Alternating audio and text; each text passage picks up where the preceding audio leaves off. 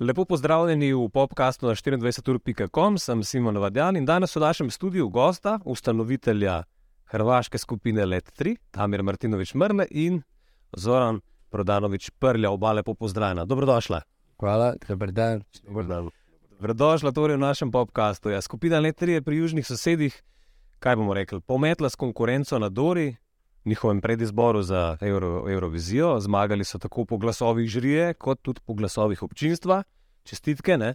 Zdaj, mrle, prlja, redko jo kdaj vidimo v civilu, uh, ti-shirt, kavboj, ki je to pri vama ne gre. Ne? Um, kaj, kaj, si, kaj simbolizira pravzaprav vajna aktualna odrska oprava? Gre sta v vojno, kaj se dogaja? To, da, trebalo je biti nekakva uniforma, ali uniforme se ne smiju nositi na Eurosongu. I onda smo našli dvije ove cure, dvije dizajnerice iz Rijeke, Lanu Letović-Perčin i ovu Manuelu Paladin-Šabanović, njih dve, da nam naprave kostime. Eto, ove su nam napravili te kostime kao nekakve vrsta uniforme. Ima tu puno šč, kao što se zove pjesma šč. Ima na postavi puno šč, evo vidite tu unutra. Mhm. To je iznutra, a ispod postave je još nešto, to nećemo ovaj put pokazati. Uh, generalska oprava uh, v vojno proti komu? Pa u bojno protiv vojne, vojno protiv vojne, Mhm. recimo tako da.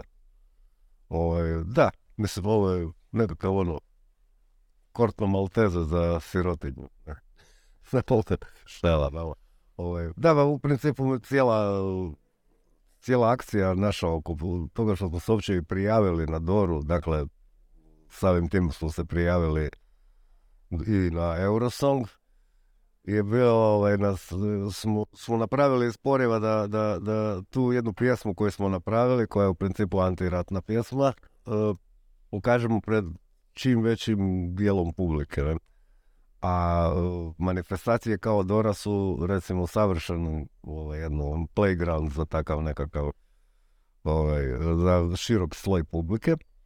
I zapravo uopće nismo išli sa namjerom da ćemo pobijediti ili nismo razmišljali o tome i tako dalje, nego smo ono, htjeli stvarno da to se pojavimo pred, da jednostavno tu našu poruku ljubavi i mira proširimo na što je čim šire moguće.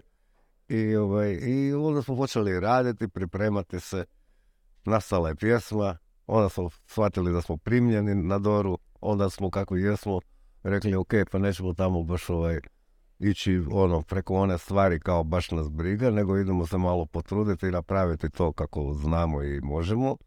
Ja smo mi to sve napravili, bili smo jako aktivni u svim tim najavama eh, pred Doru i pred competition i tako dalje. I u jednom trenutku je počela ovaj, velika podrška nama. Počeli smo skakat na kladionicama. Jednostavno onako nekakav ovaj, hype se dogodio. Trend, a trendovi su takvi kad krene ono ko, ko tsunami, kad krene teško ga je zaustaviti ili promijeniti. I tako smo radili, radili, došli smo na Doru, u te tri minute smo eh, grunuli onako sve što se akumuliralo u nama kroz cijeli taj proces i rezultat je pobjeda. I to uvjerljiva, ko što si ti rekao. Bravo, čestitke, to je res neverjetno. Mogoče čudno vprašanje, ampak a vam je kaj žal, ker ste zdaj zmagali? Začeli ste na reki v zaklonišču, letos boste spomlad na BBC-ju. Pa to je noro. A da, do, dosta ovako je to ovaj, jednostavno i, o, tek kasnije smo malo to osvijetili, onaj prvi trenutak uopće nismo, ha, pobjedili smo, onda smo shvatili zapravo što nas sve čeka, Hm. ali je super, lijepo, idemo u Liverpool, radit ćemo u vrhunskim uvjetima, vrhunska produkcija, vidjet će nas milijuni gledatelja, odlično, mislim, ne, ono, bilo bi ovaj licemjerno od nas da sad, ajme, meni teško nam je, jao, ne, kako, zašto, ko nas je tjerao na to, odlično, stvarno, pon, ponosni smo. Ja često to pomislim, tako da.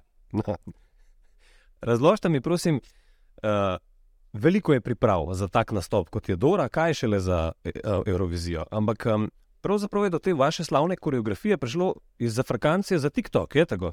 Da, da, mi smo uh, rekli idemo ako već se mora tamo nešto izvoditi, ne, a ne svira se, nego se samo sprdnja s instrumentima, ne, ajmo onda napraviti koreografiju, jer u prvom dijelu i onako ne sviramo. Pa ovo, ajmo napraviti koreografiju, ali da bude, uglavnom je bilo uh, cilj da bude za TikTok. Da na TikToku svi počnu plesat i to nam, se, ovaj, to nam je uspjelo. Danas Dobro. smo u tom, toj radionici za ples od ove naše frendice Martine ovaj, iz ovoga grupe Flame iz Rijeke. I ona to složila ono jako brzo, ne? I mi, ja nismo, nisam baš tako brzo to pohvatao, meni je trebalo jedno dva dana, Mhm. ali vidim da je bilo učinkovito jer su ovi ljudi na TikToku jako brzo to prihvatili. I to su počeli svi plesat, a to je nama bio cilj. I onda nismo htjeli više to mijenjati, jer se uhvatilo dobro. Znaš, kad se nešto uhvati dobro, dobro da je jednostavno i da se ide, ne? Tako da i sad kad budemo išli na taj Eurosong, isto nećemo to mijenjati jer mislimo da, je, da smo napravili to. A rakete ostanejo. Rakete će isto ostati, ovaj, obavezno će ostati. Zakaj? Zakaj je obavezno? Pa to, rakete su uvijek dobro. Koliko to je lao, ono, no, no pyro, no party. Aha. Mi se reklo. Odkar smo mali, pardon, odkar smo mali fantje, mali dečki, rakete forever. To je to. Pa to, ono, pa to je super. Ok, ono, kad je to kontrolirano i umjereno. Ne volim ni ja kad oni, kad, kad krenu ono oko, oko ovaj, pretjerano ovaj, bacanje petardi i tako Mhm. dalje, ono, čak su i kod nas u Hrvatskoj sada to regulirali. Pri nas isto, ja? Ali sama ono, sam pirotehniku volim. Ali, ali nije kod nas, Pogotovo na pozornici. Šta su kod vas regulirali, zbog čega? A, zaradi živali, zaradi E, to je pritožbe in ostalega. Kod nas. Mhm. Tako i kod nas, da.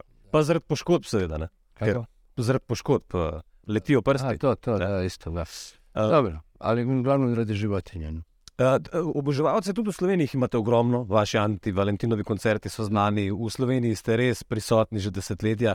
Uh, vse skrbi, a vas bojo scenzurirali. A vam je kdorkoli karkoli uh, sugeriral glede vsebine besedil? Namreč, če poješ, mama, idemo rad, uh, mama, gremo v vojno.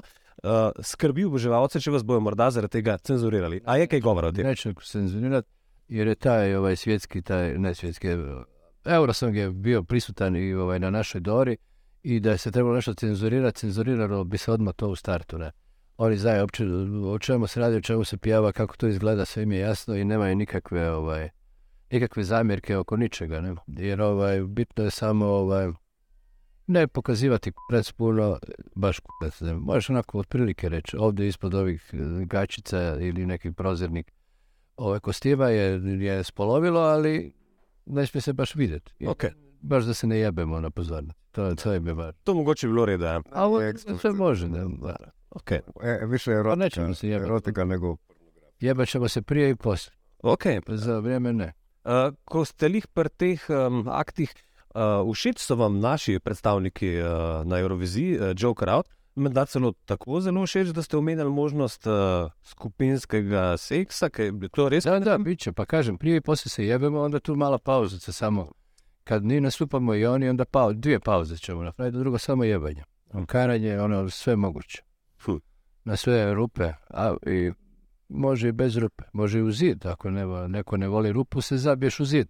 Recimo, daš ono, ono kao uh, pisalo na zidu pička, pa mu je slomio kurac. To, to so težave. Ja. Skratka, se boste spoznali zagotovo v, v Liverpoolu, bo čas za druženje tudi z drugimi predstavniki. Ne? Da, pa. Ne znam da sad na pamet da li je Joker s nama istom Aha. polufinalu ili u... Uh, Da li smo... se bom bo zanimal, bomo njih vprašali, pa vam javimo. Mi smo, mi smo u prvom polufinalu. Aha. Ne znam kad je Joker. bomo se pozanimali. Um, Dajmo se samo za hip vrniti uh, k politični angažirani umetnosti. Ne. Ta vas spremlja že od panka, ne, od začetka, od termitov pa vse do danes. Samo omenil bi par stvari, ki ste jih imeli na tapeti. Tako rekoč vse, od Angele Merkel do katoliške cerkve, do slovenske. Ne. Uh, zdaj so v pesmi Mama ščer na vrsti, pa recimo Rusi, pa krokodilski. Ampak mene zanima, koga ste vi želeli izvati? Kaj bi bil za vas idealen scenarij? Um, na kak rezultat ste upali? Koga sprovocirati?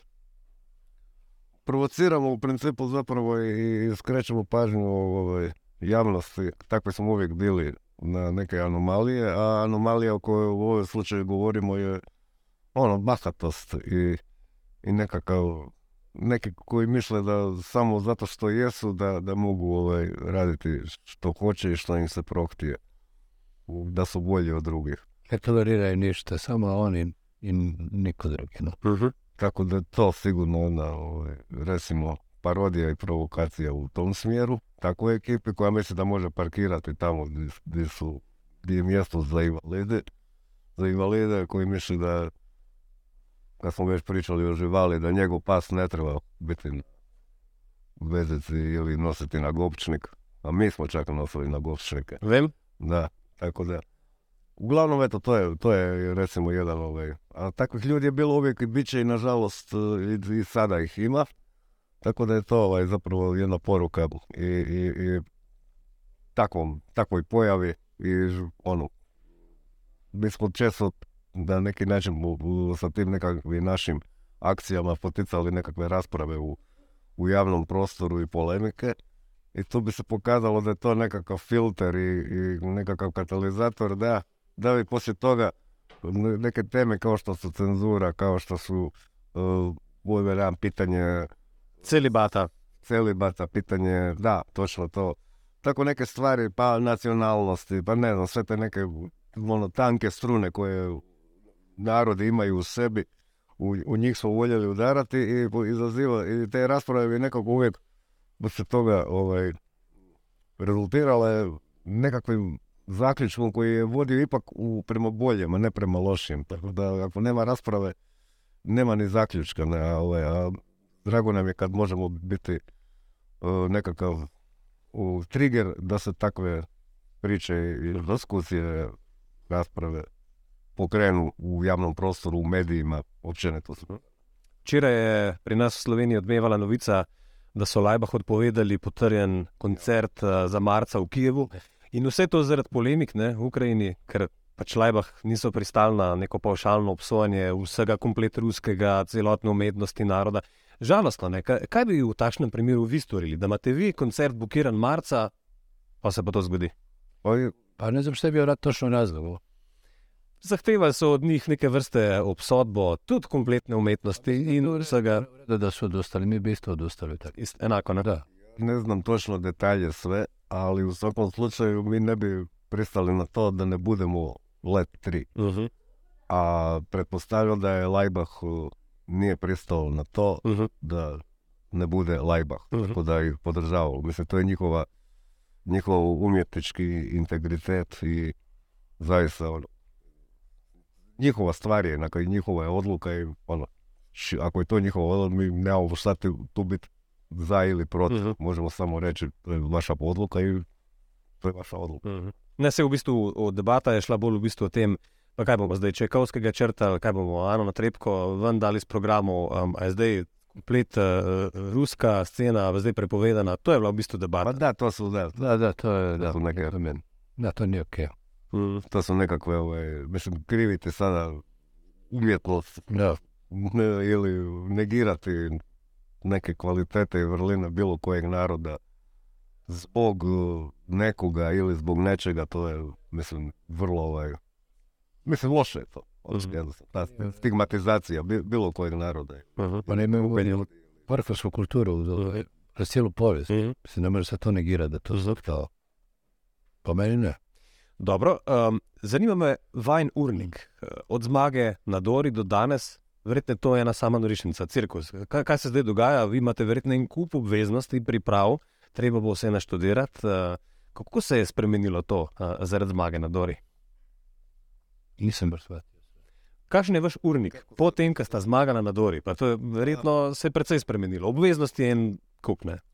Pa lako dogodilo se to, na primjer, pogotovo u Rijeci, mi smo, ben, vjerojatno većina gledatelja znali, dolazimo iz grada Rijeka, I, ovaj, I kroz godine i desetljeća smo već jedan od znakova riječkog identiteta, po zaštitni znak, brand. Ne? I u, u ovom trenutku je ova pobjeda odzvonila, svi se, ono, riječani se osjećaju kao da su oni pobjedili. Mislim, dakle, našu pobjedu doživljavaju kao kolektivnu na neki način. Ne? I zaista po, u, po, i prije toga smo bili po- popularni, ne, ali sada ovo je, dogodio se jedan baš onako, ono, bum, onako koji je ovaj, doslovno izaći iz kuće ili ne znam, ući u dućan ili tako dalje. A joj, bravo, joj, čestitam, joj, bravo, joj, super, sve. I ovo što kažeš, jako puno smo, naravno, tražena roba u, odmah u, u, zbog svega toga. Tako da je jako puno poziva medija.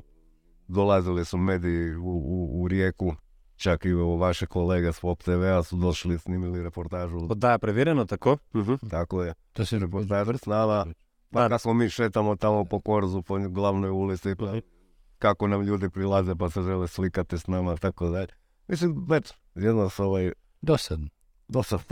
dok neko da, dosta ovaj, malo vrtimo u krug, stalno iste priče i tako dalje. Malo ko, pred Doru sam rekao da se osjećamo ko, ko, pred, predizbornu kampanju neku, ne, ko ono političari kad idu okolo pa obećavaju, samo obećavaju, znači ono, i, i vrte se u krug. A sad pred Eurosong, uh, sad smo, ćemo se fokusirati, ponovo fokusirati na nastup, na točku i tako dalje, ali bit će i puno i ovih drugih aktivnosti. Evo, ekipa s BBC-a dolazi za par dana u Rijeku snimati prilog o nama. Ići ćemo na neke te warm-up uh, Eurosong uh, manifestacije u London, Madrid, Varšava, ne vem ni ja kamo sve. Uglavnom, vrlo, vrlo ovaj, dinamičan, intenzivan period. Ne možeš se i da ti ne uđe i to je Mhm. tako. Glede na to, da ste oboževalec nogometa, kako dobro smo Slovenci zaradi Matjaža Keka zapisani na reki? A do, kek, šta jerc. Ovaj.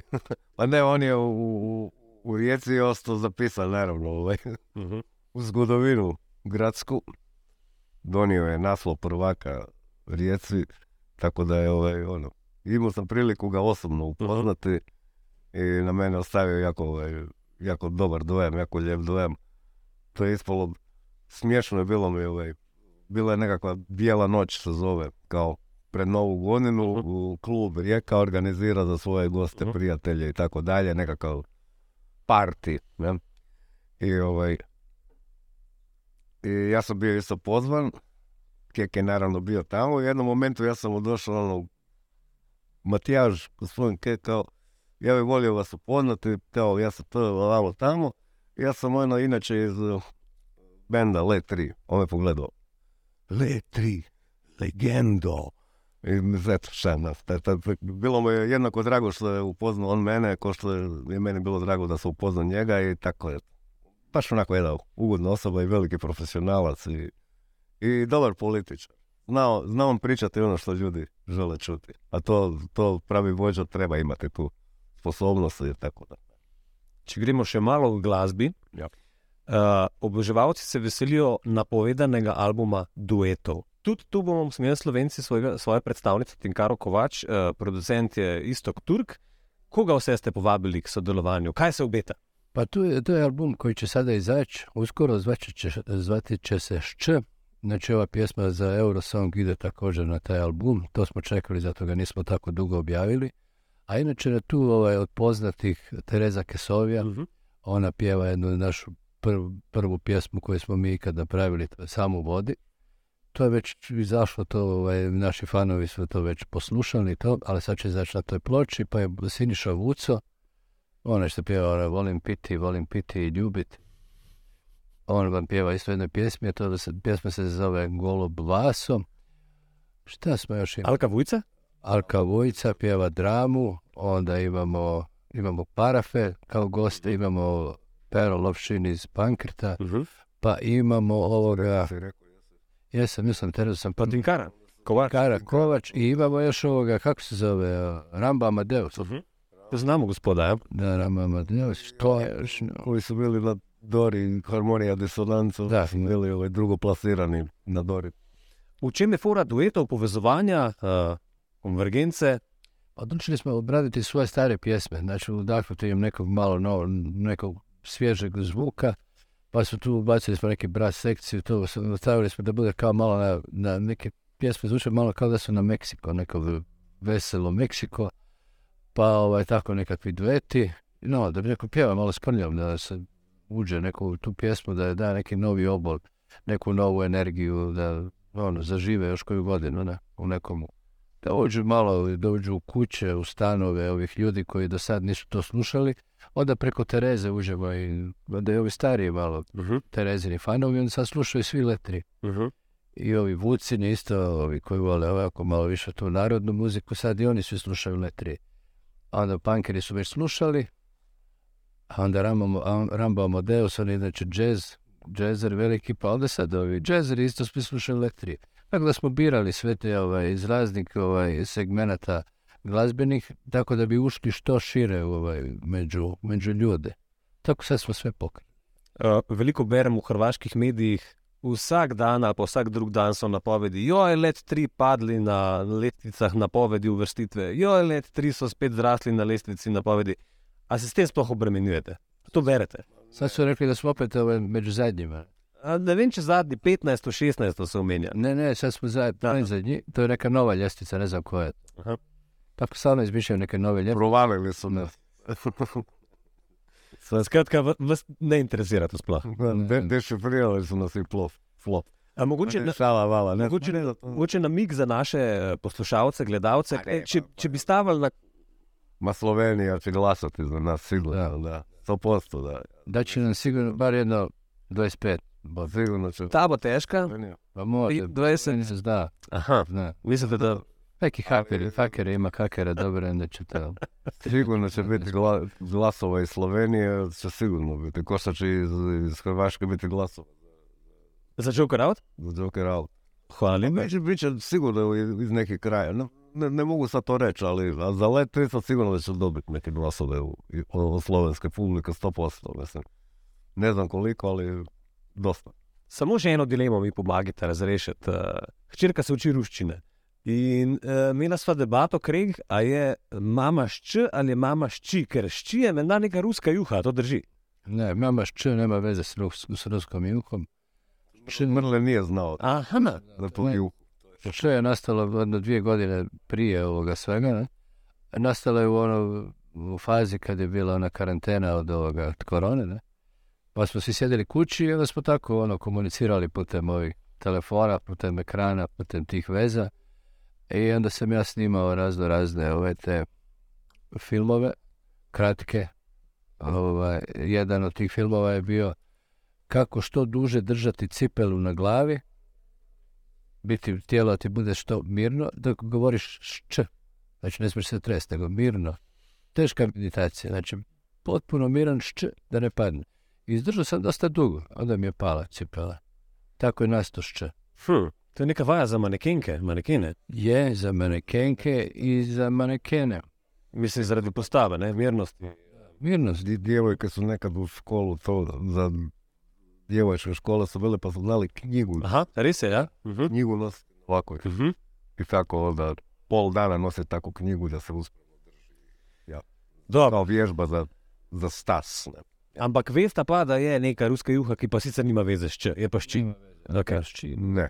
Šči, je, šči je nešto drugo. Ne, juha, ovo nije juha. Dobro, Ovo je, ne, bomo navijali uh, za čim boljšo predstavitev, uh, da se boste imeli lepo. Pozdravite v Liverpoolu naše fante iz Joe Crowd, čuvite jih. Uh, hvala, da ste prišli na naš podcast. ih čuvati. I boste, dobro, Čuvat ćemo. kot rečeno, dobro, Mladi dečki mora ih neko čuvati. res je. Pa gledatelji, dajte nam podršku, zaslužili smo. Dajte nam vaš glas, mi ćemo napraviti sve ono što smo obećali i vidimo se. Ovaj. Še kakšno sporočilo mogoče? Pa šč, šč je jedna energetska bomba u stvari nastala, znači koja iscijeljuje. Mhm. Kad se go- puno govoriš č, i ako se drži još ta cipela na glavi, Mhm. počne se iscijeljivati ovaj, cijela, cijela, cijelo tijelo, ne? Tako da je to, šč je u biti poput katarze.